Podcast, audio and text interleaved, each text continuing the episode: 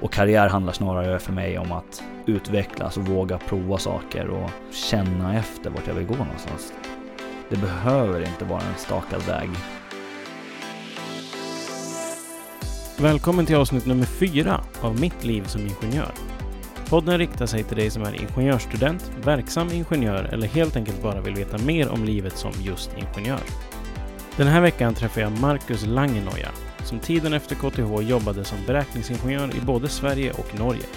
En tillfällig position som gruppledare gav honom mer smak för just ledarskap och är kanske en förklaring till att han idag jobbar som projektledare. Men det har inte alltid varit en rak väg.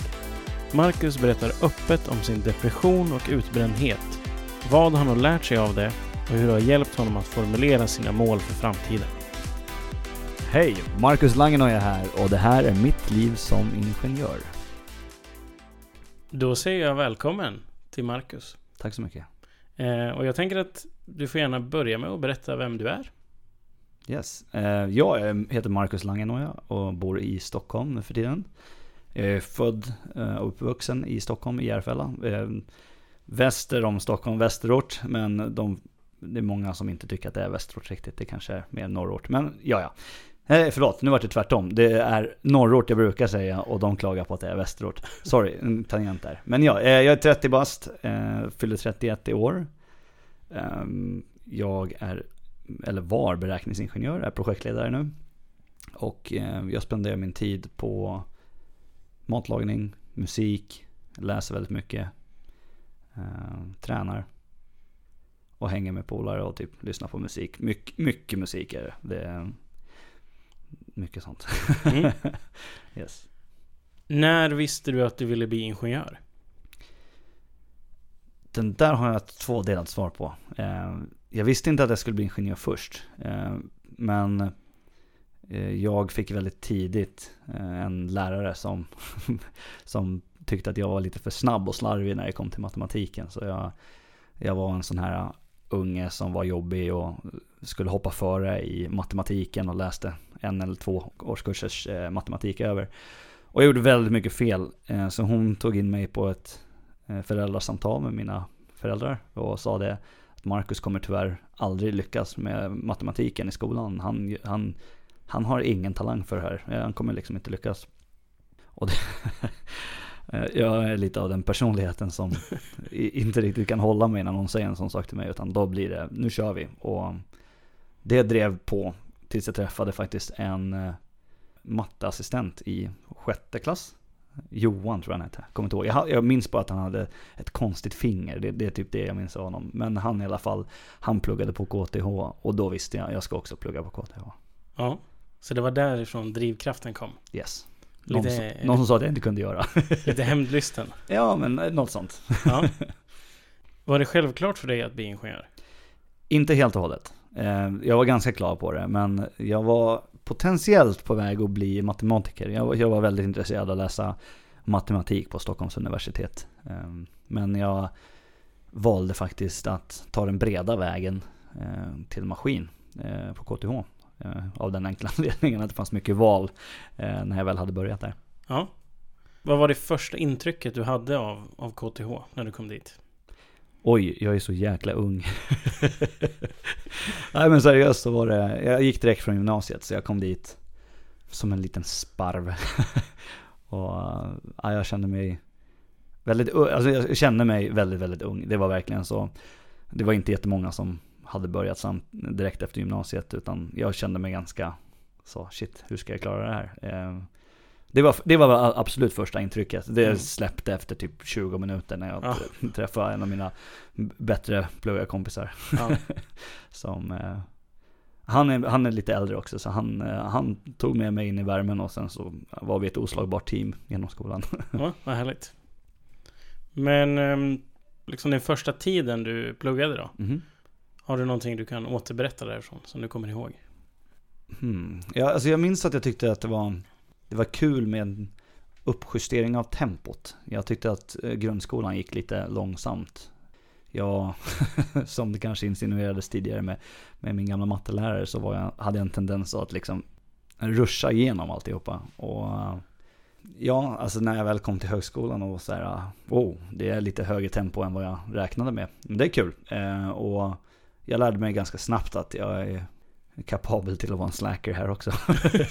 så jag, jag, körde på mitt vanliga race och, och ja, började plugga på, hade kul. Jag, jag tror att jag kanske inte var den roligaste medstudenten. Jag klarade av ganska mycket på väldigt lite effort. Um, jag vet att det stack i ögonen på en del men eh, jag, jag, jag, hade mest kul och det var väl kanske därför jag tror att det gick så bra också. För att jag fokuserade primärt på att ha, ha en kul stund och lära mig så mycket som möjligt och liksom få någon slags konceptuell verktygslåda av det hela. Mm. Upplevde du att det fanns några kurser som du läste som var extra viktiga för dig? Antingen och liksom som guidade dig i rätt riktning eller som, som har gjort stort intryck på dig? Ja, alltså jag, det är egentligen två saker som, som eh, cementeras från KTH-tiden som starkast. Då. Jag, jag läste till svetsingenjör samtidigt som jag tog, gick tredje året och skulle ta min bachelor. Och den är ju lite mer produktionsinriktad den, den utbildningen. Den behöver inte vara det, men det var väldigt mycket fokus på det. Och en del på beräkning, eh, som jag kommer ihåg. Det tyckte jag var kul. Men visade samtidigt att det var ganska mycket jag inte tyckte var kul också. Att, eller jag tyckte det var intressant men det var kanske inte riktigt den vägen jag var ämnad att gå till. Då. Så det var en av kurserna. Eh, men sen så, jag nämnde ju beräkning där under svetsen och sen så läste jag en kurs som hette komponentkonstruktion har jag för mig. Och då var det väldigt mycket beräkning. Det var liksom räkna på kugghjul och räkna på skruvar och titta på hur liksom, saker rör sig och beskriva det med ekvationer och snäckväxla. Alltså det, jag vet inte, det gick hem för mig helt och hållet. Och det, det var verkligen, alltså just det här, få använda mitt matematiska intresse och bygga formler kreativt. Och inte bara liksom som man hade lärt sig i, i grundkurserna. Så det tyckte jag var riktigt, riktigt spännande. Det, här, det, här, det var verkligen, det var där jag kände att dit lös lampan framåt. Äh, så den, den gjorde starkt intryck på mig. Mm. Och blev det också någonstans riktningen som du gick mot senare då i utbildningen eller? Det här var faktiskt mot slutet av utbildningen. Jag läste ja. maskinkonstruktion, tror jag. Ja, machine design heter den på engelska. Det, det, det, är lite förvirrande. De bytte namn och det var lite konstigt där. Men maskinkonstruktion ska det vara. Eh, machine design. Och den här ingick i första av masterårets kurser. Och då kände jag liksom, ja men jag har valt rätt väg. Det, det var, det var liksom en eh, vidare cementering av att jag hade eh, valt rätt riktning helt enkelt. Mm. Och eh, vi kommer gå in ganska snart på lite mer om, om hur ditt, ditt liv sett ut egentligen. Mm. Men innan vi gör det så tänker jag att vi ska avsluta KTH kanske. Yes. Det blev ju dags för exjobb då, till slut. Vad hade du för känsla där? Vad skrev du om? Eh, jag utvecklade ett svetshuvud eh, för pulverbågssvetsning. Eh, så jag och min kollega tog fram en design som han konstruerade den, jag räknade på den och verifierade att det funkar. Och eh, alltså jag tyckte det var kul. Det kändes som det var rätt väg det här med beräkning. Det kändes, det var liksom det närmsta matematiken jag kom, kom den, den ärliga matematiken som jag egentligen alltid känt att den är. Ehm, så då var det så, det var liksom, det kändes, ja nu är jag på rätt väg här. Nu, nu är det bara in i kaklet och ta, ta student, eller vad heter det, diplomera mig själv och bli klar, bli ingenjör. Så det var någonstans en bekräftelse på att du hade valt rätt? Exakt, på den tiden var det På den tiden. Exakt. Men saker förändras. Det gör det. Men då när du hade tagit examen, mm. du står där eh, med examensbeviset i hand. Yes. Vad hade du för känsla då? Mäh. uh, ja, det är nästan så jag skäms lite grann över att säga det, men det var lite så. Jag är så notoriskt dålig på att fira, fira framgång för mig själv. Mm.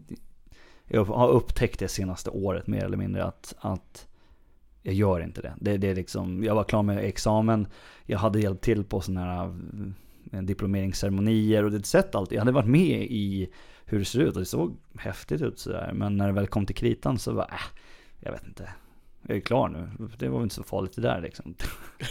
Lite så tänkte jag. Ehm, väldigt konstigt för alltså det är ju en stor pers att ta sig igenom en högskolelinje. Alltså jag menar visst, jag som jag sa tidigare, lite av en slacker och jag gjorde absolut inte mer än vad jag behövde. Men fortfarande, det, det, när man tänker tillbaka på hur mycket man ändå pluggade i slutändan. Så, så det är en pers. Och det behövs ju en del plugg. Ja. Även om man bara gör det som behövs. Exakt. exakt. Och det, det är en hög minimumgräns om man säger så. Ja, verkligen. ja, jag tänker att du får berätta i din egen takt var, var vi är på väg därifrån. Yes. Okej, okay, så jag står egentligen där med diplomet i hand som du så fint målade bilden av och var säker på att jag har en, en stakad väg framöver. Jag, jag tänker liksom att, eller egentligen, sen jag var liten då, det här med att jag visste att jag skulle gå på KTH. Det, det, liksom varit, det har varit med länge. Och så kommer jag till målet och säger, eller står där och bara okej, okay, nu är jag klar med det här. Vad händer nu? Så min naturliga instinkt blir att extrapolera det här, så jag fortsätter liksom samma bana. Och jag är lite trött på eh, delvis skolvärlden. Eh, jag var trött på att vara i Stockholm. Jag var trött på, jag var trött på ganska mycket liksom. Jag ville ha ett mm. break från, från min vardag helt enkelt. Ehm, så jag valde att ta en tjänst i Linköping. Och min tanke var att jag skulle jobba med någonting som var cutting edge, någonting häftigt teknik, teknikmässigt. Och jag skulle jobba med, med svåra, tuffa beräkningar eh, och avancerade konstruktioner. Det var egentligen det som jag hade som mål. Då. Så jag åkte, åkte ner till Linköping, eh, bosatte mig där i en, un, ungefär ett och ett halvt år tror jag att det var. Tills att jag fick chansen att eh, åka till Norge på en arbetsintervju. Så jag vart överflygen till, eh, till eh, Oslo. Och jag var helt säker på att jag skulle jobba i Stavanger om jag fick det här jobbet. Eh, jag vet inte om jag kanske var lite för dålig på att förstå norska. Men det, det, det, var den inställningen jag hade. Så jag, jag, jag åkte till den här arbetsintervjun och kommer in där. Och det är första gången jag får vara med om ett, ett kvalifikationsprov oförberett mm. inför en, en jobbintervju. Mm. Som jag totalt bara havererar. Alltså det är ingenting, alltså inte en, inte en tanke går rätt. um, jag sitter där och påstår att Ja men det är lugnt. Jag vet, alltså om jag har den boken, jag kan beskriva hur boken ser ut. Ja. Jag vet ungefär vart i boken jag ska kolla. Och jag vet liksom, om jag, använder, om jag tittar på den sidan med elementalfall i det här fallet. Och sen så kan jag liksom knåpa ihop där så kan jag rita de här äh, tvärkraft och momentdiagrammen då som det var ja. fråga om. Men det var verkligen, jag tappade bollen ordentligt. Ja, ehm, ja jag vet inte, jag tänkte, det var liksom, jag kände mig jag kände mig lite dålig efteråt, men det var liksom, ja, det är helg nu. Ja. vi, tar det här när, vi tar det här som det kommer liksom. Så um, jag stannade kvar i Oslo och var på en fest som några av mina kompisar arrangerade. Åkte hem och på vägen hem så satt jag, jag åkte buss faktiskt. Ner till Göteborg och sen över till Linköping. Och på bussen så började jag skrävla ihop den här uppgiften igen och bara säga, ja ah, men fan. Jag, jag, slänger ihop det här. Nu när jag är lite avkopplad. Jag vet, ja. nu vet, jag vet ju vad jag håller på med. Och så jag mejlade över den här uppgiften till, till han som jag var på intervju hos. Och skrev, sa det att ja, jag ber om ursäkt för lite förvirring. här är lösningen i alla fall. Ehm, jag har inte kollat i boken, men ja, nu, du har, jag har löst problemet i alla fall. Ja. Ja, jag fick jobbet. okay. Så jag vet inte, någonting måste jag ha gjort rätt intryck eller någonting sånt där. Då. Men så jag flyttade till Norge eh, och körde beräkningsingenjör där. Jag var där och jobbade liksom och sen så hade vi en chef, eller han chefen som anställde mig, han slutade kort därefter. Och sen hade jag en annan chef ett tag som, eh, ja han slutade också. Och, var det din inverkan eller? Nej nej nej, nej. alltså det var bara, de ville, de skulle iväg och göra andra saker. Ehm, den andra chefen gick till en annan del av företaget som vi var på från början. Okay. Ehm, som han ville till hellre. Ehm, som fullt förståeligt liksom. Problemet var att vi hade ingen gruppledare längre. Så jag vart tagen åt sidan och så här, okej okay, du har typ bäst koll på de här komponenterna. Ehm, du är snabb på att svara och du kan hålla liksom i styr eh, flera bollar i luften. Så kan mm. inte du leda den här gruppen medan eh, vi letar efter en ny ledare. Och där står jag liksom inställd med en järnvilja att jag ska liksom ha en rutig skjorta på mig resten av livet. Jag ska mm. sitta i källaren och jag ska räkna på mina skruvar. Alltså det, det var på den nivån. Alltså verkligen så aldrig någonsin i närheten av en eh, roll som involverar ekonomi eller ledarskap eller någonting sånt där. Det var absurt för mig. Men eh, jag är inte den som duckar för en utmaning så Nej. jag tog tag i det. Eh, och ledde gruppen. Och det gick bra. Och jag tyckte det var kul. det var lite chock faktiskt att, att det, det var faktiskt var så kul. Och jag ledde den gruppen fram till att vi fick en ny chef som eh, började. Och det var lite kul för jag trodde verkligen att det skulle vara ett bryt. Att säga, ja, men nu leder inte jag gruppen längre och Mm. nu kommer någon som ska ta över. Hur blir det? Mm. Men det visade sig att den här chefen, Kjetil, som började, han, han är definitivt den största inspirationen i min karriär. Han, Mm. eh, helt fantastisk chef. Omtänksam, hade sjukt vettiga idéer, ledde på ett väldigt klart och tydligt sätt. Och definitivt den bästa chefen jag haft. Eh, Så ja, så träffade jag min... Din största inspiration. ja, exakt, exakt. Mm. Ehm, Men samtidigt då, ehm, vi, det, det är liksom, det kanske låter som allting är hunky-dory just nu Mm. i mitt liv. Ehm, Men det är inte riktigt hela sanningen utan, alltså det, det, det är lätt att se i efterhand men eh, jag insåg inte det när jag bodde i Linköping men jag började må rätt dåligt efter ett tag. Jag, jag festade mycket mer, fest- festade mycket hårdare och drack väldigt mycket och mådde allmänt dåligt. Jag höll mig aldrig, alltså varenda chans jag fick så flydde jag stan liksom och stack därifrån. Jag spenderade, det var som att jag, jag bodde där på heltid fast jag veckopendlade för att jag var i Stockholm varje helg och Mm. gjorde andra saker. Ehm, och det visade sig lite senare då att jag började liksom bli deprimerad. Eh, och det, det, alltså det, det ankras inte förrän jag bodde i Oslo. Och det handlar egentligen om att jag hade, det var för mycket stress i livet. Alltså det var mycket på jobbet. Det var, jag saknade hem. Alltså jag insåg inte det riktigt då.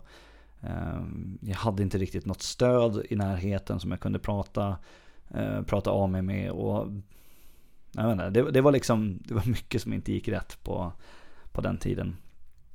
Och ehm, det, det kom en kväll som det bara kollapsade för mig. eh, Mm. Rent depressionsmässigt. Och jag, jag, ring, jag kommer ihåg jag ringde till min chef. Jag, dumt nog, men jag var tvungen att testa så tog jag och drack den kvällen och kände om det här hjälper att bedöva smärtan jag hade. Mm. Eh, det gjorde det inte, utan det slutade med att jag ringde min chef mitt i natten av någon konstig anledning. Och eh, sa det att eh, jag, jag mår inte så bra, jag kommer inte komma in till jobbet imorgon. Eh, och han var jätte, jätte hjälpsam och gav mig ett, ett sympatiskt, så sympatiskt svar att jag liksom det vände liksom hela den nattens misär. Eh, ja, det, vände ganska mycket efter det där. Eh, Mm. Jag gick till en psykolog och pratade om det och det vart bättre. Jag fick lite övningar och lite idéer liksom på hur jag skulle göra. Samtidigt som det hände, det, det ska jag tillägga, det, det som var kanske den utbristande faktorn är att jag har ehm, ett diskbrock. Och det var då det slog ut som värst. Så jag var sängliggandes till en början i, jag tror det var en och en halv vecka någonting sånt där som jag inte ens kunde Mm. röra mig ur sängen. Eh, och rörde med huvudet lite grann så skrek det av smärta i hela kroppen. Eh, och det var inte en jättetrevlig upplevelse. Och sen stress på jobbet och alltihopa eh, slog, slog igenom alltihopa. Eh, men ja, eh, jag insåg väl efter, efter en stund liksom att det här är inte riktigt friskt utan det är någonting som, som eh, behövs göras åt. Eh, så jag tänkte att jag gör någonting annat en stund och bara ser. Så jag bestämde mig för att ta en tripp till Sydamerika. Mm. Bara åka själv, hade jag inte gjort tidigare. Utan bara ta en egen semester och se vad, vad som händer. Liksom utforska mig själv. Och, för det var liksom det jag kände, men jag kände mig lost också. Att jag, Ja. jag hade ju gått på beräkningsingenjörsspåret och sen så testade jag det här ledarskapet och bara det här är ju kul. Det här är ju faktiskt roligare än det jag gör som beräknare. Och det förvirrade mig för att jag hade ju den här utstakade banan. Den var extrapolerad ut. Jag var klar. Alltså, jag ska ju sitta i min källare om 30 år och Ja. räkna på mina skruvar. Det var helt klart. Så det var väl en chock därifrån också då. Mm. Ehm, Men så jag åkte till Sydamerika i alla fall och innan jag gjorde det så var jag lite sneaky så jag åkte över till Sverige på en, till Stockholm på en arbetsintervju. På Alten som jag jobbar på nu idag. så det kanske avslu- spoilar storyn här lite grann. Men, men jag var i alla fall och träffade eh, en chef här på Alten innan jag åkte till Sydamerika. Mm. Flög iväg och eh, ja, jag, jag åkte den här klassiska gringo route från, alltså åt fel håll tror jag. Jag åkte genom Brasilien, Argentina, Bolivia, Peru Okej. och sen upp till USA och åkte jag. Men eh, jag fick ett samtal i alla fall i, eh, i Bolivia tror jag att det var. Och då visade det sig att det är min nuvarande chef som ringer och säger Tjena, vi vill att du ska börja jobba hos oss. jag är liksom det är ju fel tidszon och alltihopa och bara så här, wow, okej. ja visst, jag, jag är på. Jag vill tillbaka till Stockholm liksom. Det- Jag kände att det var, det var en sak av de här som jag hade upptäckt och som jag verkligen behövde göra. Mm. Så jag sa ja, han skickade över kontraktet, jag kikade på det och sen så var jag ju tvungen att säga upp mig för att få det ihop det här på något sätt tidsmässigt. Så, så jag fick ringa eh, min chef då, eh, min stora inspiration till chef. Och på, på en gatutelefon i Bolivia, på en gata med massa bilar utanför och bara knastrar.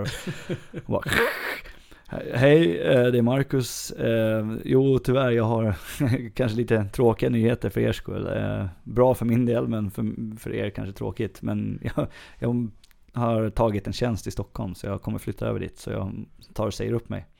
Samtidigt som samtalet bryts. så min chef hörde det, och sen så lät det som att jag klickade av honom.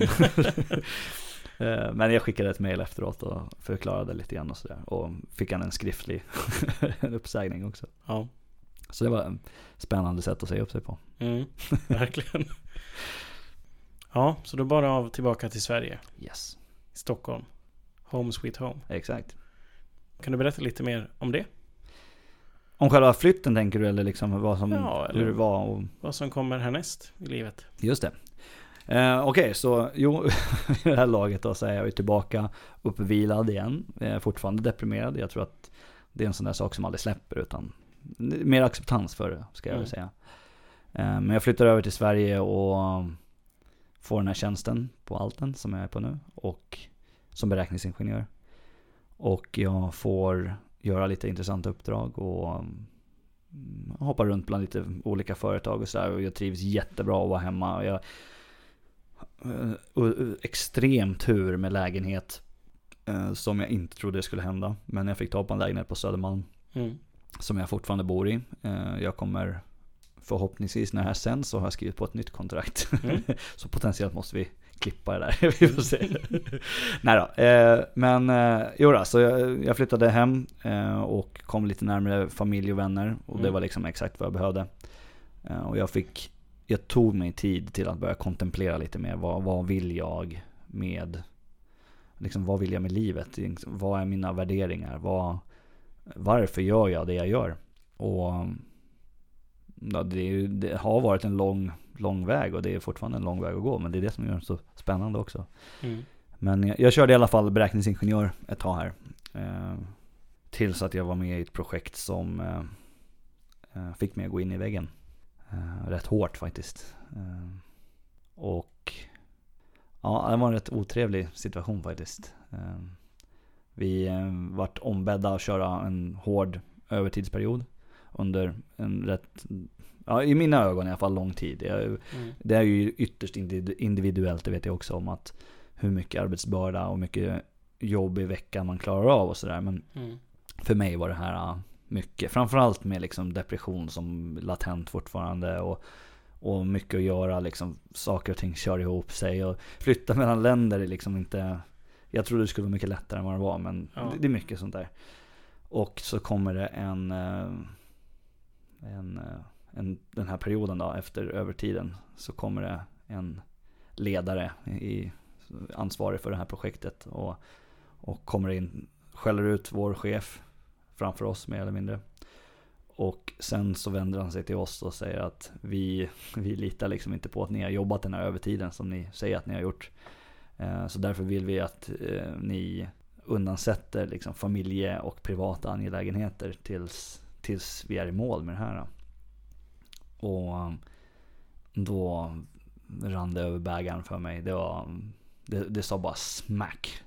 Mm. Jag, jag var väldigt, väldigt nära på att ställa mig upp i rummet, ge honom fingret, säga orden som tillhör det och sen gå därifrån. Men eh, så gjorde jag inte. Det, det var en tung smäll däremot. Det, Mm.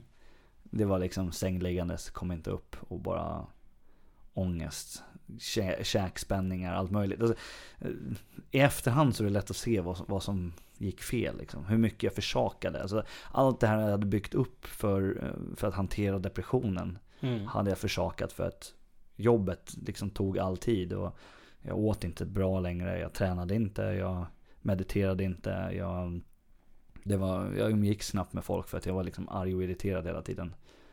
Eh, Som nu vet jag att det är solklara så- Alltså för mig, för mig personligen så är det solklara tecken på att jag är nära på att bränna ut mig.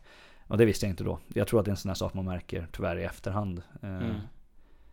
När det smäller så vet man vart gränsen går. Men det hade jag ingen aning om då. Så, men jag ringde i alla fall till min chef och sa det att vad, berätta vad som har hänt och um, att jag inte mår bra överhuvudtaget. Och att jag är tveksam på om jag kommer klara av att göra det här något mer. Alltså jag, jag fick jättebra stöd från chefen och som var liksom direkt på bollen att säga okej det här är någon som inte mår bra. Eh, vad, vad kan jag göra liksom? Är nå- alltså, vad, vad, vad behöver du liksom? Alltså var väldigt ackommoderande och, och liksom vä, alltså väl, väldigt angelägen om att jag Mm. skulle ta mig igenom det på ett Ja. vettigt sätt. Och när du liksom hade insett att du har gått in i väggen, det är nu är, nu är du där. Mhm. Vad gjorde du för att hantera det? Eller liksom parera det? Det som är lurigt med att gå in i väggen är att man märker inte, som, sagt, som jag sa nyss, att man märker inte det förrän det är för sent. Och när det är för sent så är det verkligen för sent. Det är tomt. Mm. Jag brukar likna det med brunnen i 300 som de sparkar ner. This is Sparta-brunnen liksom. Mm. Att dök med huvudet först rakt ner i den brunnen när det hände första gången. Ja, det, har, det har inte hänt fler gånger. Det har varit nära men det, har- det har inte hänt fler gånger efter det. Men det har verkligen dykt ner i den här brunnen. Huvudet stupar först. Mm. Och det är ett mörker. Alltså för mig var det liksom en total tappning om varför gör jag det här? Alltså vad, vad är syftet? Alltså det är... Är det här viktigt? Vad får, får jag ut någonting av det här förutom att, att jag mår piss liksom? Mm. Svaret var nej. Eh, Det är inte värt det. Så jag tog tag faktiskt i de knepen som jag fick lära mig för att hantera depressionen. Så jag gick till en psykolog Mm. och pratade och fick, lite, fick gå på lite kognitiv beteendeterapi. Och eh, egentligen lära mig hantera igen, eller egentligen påminna mig om hur man hanterar en sån här typ av, av stress. Mm. Och eh, lite nya verktyg också. Jag, jag eh, hade inte riktigt, jag hade prövat lite innan. Jag var lite nyfiken och hade prövat lite. Men jag hade liksom inte riktigt förstått nyttan med meditation innan den här gången. Så jag gick hos en psykolog som lärde mig hur jag ska, hon, hon lärde mig sån mindfulness eh, meditation. Mm. Bara för att hjälpa mig acceptera och hjälpa mig att ta hand om, inte förlust, men tillbaka, mo- motsättningar och, Mm. och hantera liksom smärtan som kom. Det som jag hade just då. då. Så det var egentligen det, det var bara att börja från noll igen. Börja tvinga mig själv till att laga bättre mat, träna, läsa, skriva dagbok, prata om det framförallt. Det, Mm. eh, det var absolut det viktigaste steget känner jag i efterhand. Att när jag började bli öppen med att jag inte mådde så bra. eh, Så jag tror att det finns mycket kärlek ifrån omgivningen och nära och Mm. kära. Och till och med på jobbet. Att man får stöd när man verkligen visar det. Och det har hjälpt mig jättemycket. Mm. Upplever du att det är ett tabubelagt eh, ämne att prata om? Inte nu när jag har börjat prata om det. Nej. Jag gjorde det innan, definitivt. Man hade tankar liksom att hur kan det här hända mig? Jag ska ju vara stark. Mm. Jag har alltid varit jag har alltid klarat av saker och ting. Jag har, vad, vad vad är det här? Det är någonting konstigt. Gå till psykolog? Hur, nej, aldrig i livet. Det, det, blir, alltså, det är så typiskt. Det är sån, jag vet inte var den tabun kommer ifrån heller. Det är det som gör mig lite, lite galen över det hela. Att, att det finns liksom ingen anledning till varför, varför det skulle vara konstigt Och det är ett vanligt fenomen. Alltså, även fast folk kanske inte inser det själva så tror jag att det är fler som har antingen varit väldigt, väldigt nära väggen eller Mm. är och har slagit i väggen. Eh, och bränt ut sig. Fast de vågar liksom kanske inte erkänna det för sig själva. Och eh, jag önskar bara att fler gör sig själva den tjänsten att faktiskt stirra in det i vitögat och Mm. hantera det istället för att ignorera det. Mm. Och det här är ju såklart en, en väldigt stor upplevelse för dig. Ja. Och i, i många fall inte en rolig upplevelse heller. Men har du tagit med dig några lärdomar av det här som, som kanske har hjälpt dig fått klarhet? Definitivt. Det, det, det låter ju väldigt mörkt. Och det är ju väldigt mörkt. Både depression och gå in i väggen. Eh, Men samtidigt så, jag hade inte varit den människan jag är idag om jag inte hade gjort det. Jag är glad att jag gjorde det på sätt och vis. Jag, är, jag uppskattar det för att det, mitt, mitt mål i livet har blivit klarare. Jag har kristalliserat mig själv och gå, alltså trial by fire, det känns lite som det att så här, um, Mm. jag har varit och vadat i, i mörkret och jag vet att det finns en annan sida på det. Mm. Och definitivt, jag har lärt mig jättemycket av den här, eh, de här upplevelserna. Mm. Du nämnde tidigare när vi pratade, innan vi började spela in, Mm. att det kanske har hjälpt dig att hitta den riktningen du vill gå framåt. Att du har fått en klar bild av, av hela upplevelsen. Yes. Eh, Kan du berätta lite mer om, om den riktningen? Jag, jag är lite av den, av den syn att, eller syn, det är kanske fel ord, men min ambition är att förhindra att det sånt här händer andra. Alltså visst, det är en jättebra lärdom för mig för att jag menar jag har, jag har blivit starkare, jag har blivit liksom en bättre människa framförallt, skulle jag väl tippa på. eh, Av, av de här upplevelserna. Men jag tycker inte att det ska vara arbetsplatsen som, som är det som åskapar att det här händer. Utan det kan få vara andra event eller så och inte, inte eh, en systematisk utbränning av människor. Jag, menar, jag eh, känner du till att det finns en japansk fras som är eh, alltså, Death by overworking. Mm, jag har hört det. Kir- Kirashi eller någonting sånt. Jag kommer Mm. inte ihåg exakt.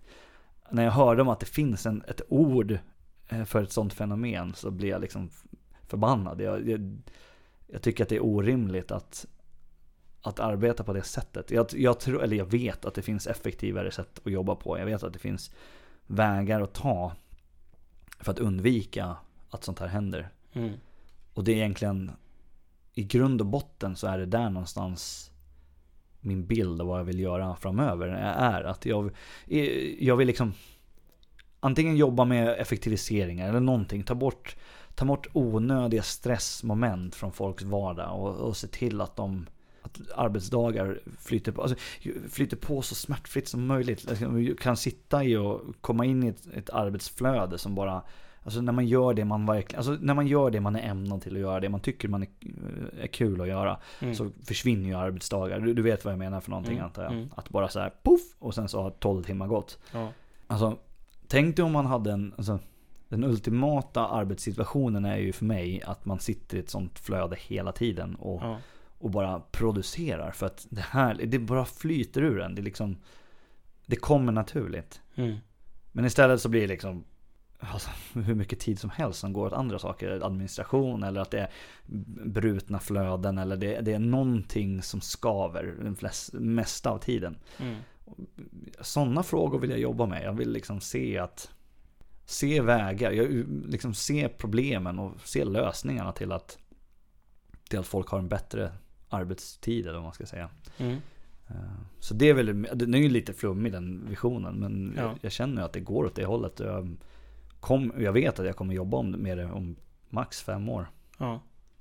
Du nämnde ju lite tidigare här när du pratade om just det här när, när du gick in i väggen och att din chef då på Alten också var väldigt tillmötesgående, väldigt hjälpsam. Yes. Det skiftet du gjorde från beräkningsingenjör till projektledare, Mhm. är det också på vägen till dit du vill med den här visionen du har pratat om nu? Eh, ja, det, det ser jag definitivt som det att det är. Ehm, jag kände att fokuset på beräkningsingenjörsyrket, rätt på vissa sätt för mig för att det är mycket matematik, men det är ett singulärt fokus på upprepning av detaljer. Mm. Jag gillar inte att göra två saker, eller om samma saker om och om igen. Det, det, det är inte min grej. Det är därför jag gillar automation och Ja. effektivisering. Men samtidigt som man inte har så jättemycket mänsklig kontakt. Och jag tycker om att prata. Jag, det är ett av mina, en av mina favorithobbys att prata. Så eh, eh, ju- just ledarrollen blir liksom en, ett steg mot det tänker jag. För att det går lite mer mot de, eh, vad ska man säga, organisatoriska, administrativa delarna. Alltså, jag kan ju säga så här, hade du spelat upp det här för mig för sex år sedan när jag fortfarande var på KTH. Mm. Antagligen hade jag inte trott på dig, eller så hade jag strypt den personen som just nu pratar med mig själv. Ja. för att jag hade antagligen trott att jag var helt delusional. Och Ja. är det några av mina gamla klasskompisar som hör det här så kommer de antagligen Tror samma sak. Ja, exakt. Men ja, jag, jag tänker att det liksom är en väg att genom att jobba med människor, att jobba liksom mer med kommunikation, Mm. Att få mer inblick. Jag, jag, jag vill liksom ha en bred syn på hur saker och ting håller ihop så att jag kan se auto, alltså, effektiviseringsvägar mellan, alltså framförallt mellan, eh, alltså med, till exempel liksom konstruktörer och beräknare. Mm. Som en kommunikationskanal som nästan aldrig funkar. Det, det är generellt sett urkast om jag ska vara helt ärlig. Och det Mm. tycker jag är synd. För jag menar, jobba med exakt samma produkt Ja eh, jobba mot samma slutmål, men prata inte med varandra. Så eh, genom att bara liksom sätta ihop konstruktör och beräknare från början, kanske att beräknaren är med och gör lite överslagsberäkningar i början, eller vad som helst. Men att så, se sådana eh, alltså, se såna sätt att öka produktiviteten och minska feliterationerna i företag. Det är liksom, där- ser jag att, jag, att det finns möjlighet från en projektledarroll till en början med. Och Mm.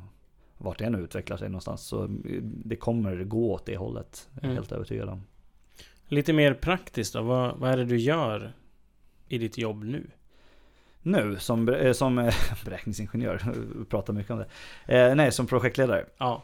Eh, främst så är jag kommunikatör just nu. Ja. Och lite allt i allo om jag ska sätta ord på vad jag gör för någonting. Ja.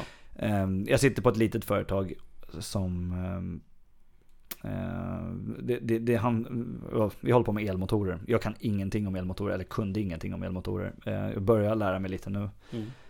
Men framförallt så jag blir, Eftersom det är ett litet företag så får jag ta ganska mycket olika roller och sådär. Eh, Så det, det blir mycket fokus på att hålla kommunikation gåendes mellan olika partner och, och eh, även jobba lite med arbetsprocesser, det som jag verkligen vill göra. Mm. Men framförallt så är det väldigt mycket att försöka styra hem det här projektet då. eh, Och planera upp vad som händer för någonting. Och, eh, tyvärr känner jag väl att jag kanske inte gör jättemycket så planering och liksom projektledning som jag vill göra. Men jag Mm. utvecklas något enormt. Och det är jag oerhört tacksam för. Det tycker jag är, det är en gåva som, eller gåva, vad ska man säga. Det är någonting som jag värderar väldigt högt. Mm. Och Alten är ju ett konsultbolag. Yes. Vad är det som gör att du trivs att vara konsult? Jo, alltså det jag gillar är att alltså framförallt, alltså anledningen att jag valde Alten också är att det är väldigt mycket frihet här. Mm. Eh, jag menar, som jag mm, liksom försökt klargöra någorlunda i alla fall så bytte jag ju karriär från beräkningsingenjör till projektledare. Ja. Det jag kanske inte nämnde var att det var väldigt abrupt. Det var, jag tror det tog, alltså jag hade ett karriärsamtal ganska nyligen. Och då satte vi upp ett årsmål om att jag skulle liksom börja gå mot projektledning och sådär. Men jag, jag bestämde mig ganska hårt att gå mot det för att jag kände att det var rätt väg. Så jag gjorde det på mer eller mindre ett halvår. Mm. Tog jag lite pro- projektledningskurser och ledde projekt in-house. Och sen så fick jag mitt första projektledningsuppdrag. Så det gick väldigt snabbt med den omställningen. Och eh, det är jag väldigt tacksam över att jag fick chansen att göra. Eh, ja, å andra sidan, om man ska vara lite elak så var det inte så mycket val. För att jag var helt klar med att vara beräkningsingenjör. Det fanns liksom inte kvar på kartan längre. Ehm, Så jag, eh, jag ställde om helt enkelt. Och just den valfriheten är rätt skön att ha faktiskt. Eh, Mm. Det, sen så har vi en väldigt fri lön, lönemodell också som vi kan välja mer eller mindre. Vi, Jag sitter på en sån, där, vad heter det? Provisionsbaserad lön så jag kan Mm. välja lite hur jag, hur jag disponerar min lön. Om jag vill ha en tjänstebil eller eh, om jag vill, ja egentligen välja lite mer fritt över eh, hur jag får ut det jag tjänar in helt enkelt. Mm. Så det var väl de två främsta. Sen så var Sen så framförallt han som rekryterade mig. En, han är väldigt lik mig. Han, han och jag har haft kontakt i 6-7 år. Mm. Ehm, och vi har ganska mycket lik syn på just det här med jobba med människor och liksom hur viktigt det är att jobba från värderingar och, och bygga liksom en, en eller få en, eh, bygga vet jag inte om det är rätt ord, men att sätta en grundbas som driv kommer ifrån. Eh, Det var väldigt inspirerande man som jag var en stor anledning att jag valde att komma hit. Mm. Och vi pratar mycket nu om både liksom hur du har utvecklats och vad du upplevt privat, men också en del om din karriär och vad du har upplevt där. Mhm. Vad betyder karriär för dig? Något helt annat än vad, den gjorde när jag började jobba. Eh, Det sammanfattar nog ganska bra. Och från början så tänkte jag karriär som en, en trappa för att liksom bli bäst på beräkning eller mm, någonting. Bli, bli riktigt duktig på någonting. Bli, jag hade den här tanken med ovärderlighet. Att, Mm. att ehm, du, du, du, du lär dig någonting så pass bra att du, du kommer inte kunna bli ersatt. Liksom. Det, det Mm. var idén som jag tror är nästan planterad. För jag vet inte riktigt var den skulle komma från, från mig själv. Eh, Men att jag har hört den liksom att det är så man skaffar ett jobb på lång tid. Eh, Det har ändrats. Nu är mitt mål, min karriärsmål är ju att göra mig själv redundant. Mm. Att jag inte ska behövas. Eh, det, kanske, det kan ju tolkas fel men det jag vill göra är liksom, jag vill göra en impact som gör, som, som jag sagt, mitt mål är ju att göra mer effektivare arbetsflöden och allt sånt där. Mm. Mm. Och för det så ska, ser inte jag, det är samma sak egentligen med allting. Jag ser inte att göra ett avtryck handlar om att nästla sig in som en fästing nästan. Utan det handlar Nej. snarare om att du gör någonting så högkvalitativt och du dokumenterar det. För kunskapsöverföringen är så oerhört svår att fånga.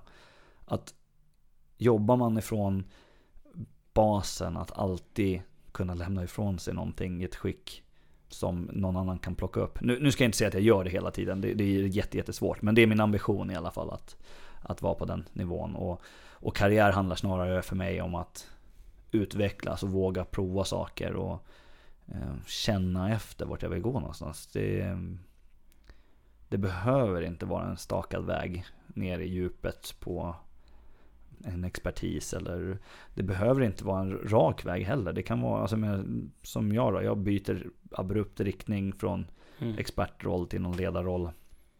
Och jag menar, vi byter celler var sjunde år. Varför skulle vi inte byta idéer om vad vi har för karriär? Det, det är lite så jag ser på saken. Så just nu så Mm. är det eh, göra någonting som är meningsfullt. Eh, hitta det. Det, Mm. det är karriär för mig. Och om jag frågar dig igen om sju år? Ja, då, äh, oklart. Vi får höras då helt enkelt. Exakt. Ehm, en fråga Mhm. som, som jag brukar prata om med de som gästar podden. Det är det här med work-life balance. Mm. Vad betyder work-life balance för dig och hur uppnår du det? Ärlighet, om man sammanfattar det kort. Faktiskt. Ärlighet mot sig själv.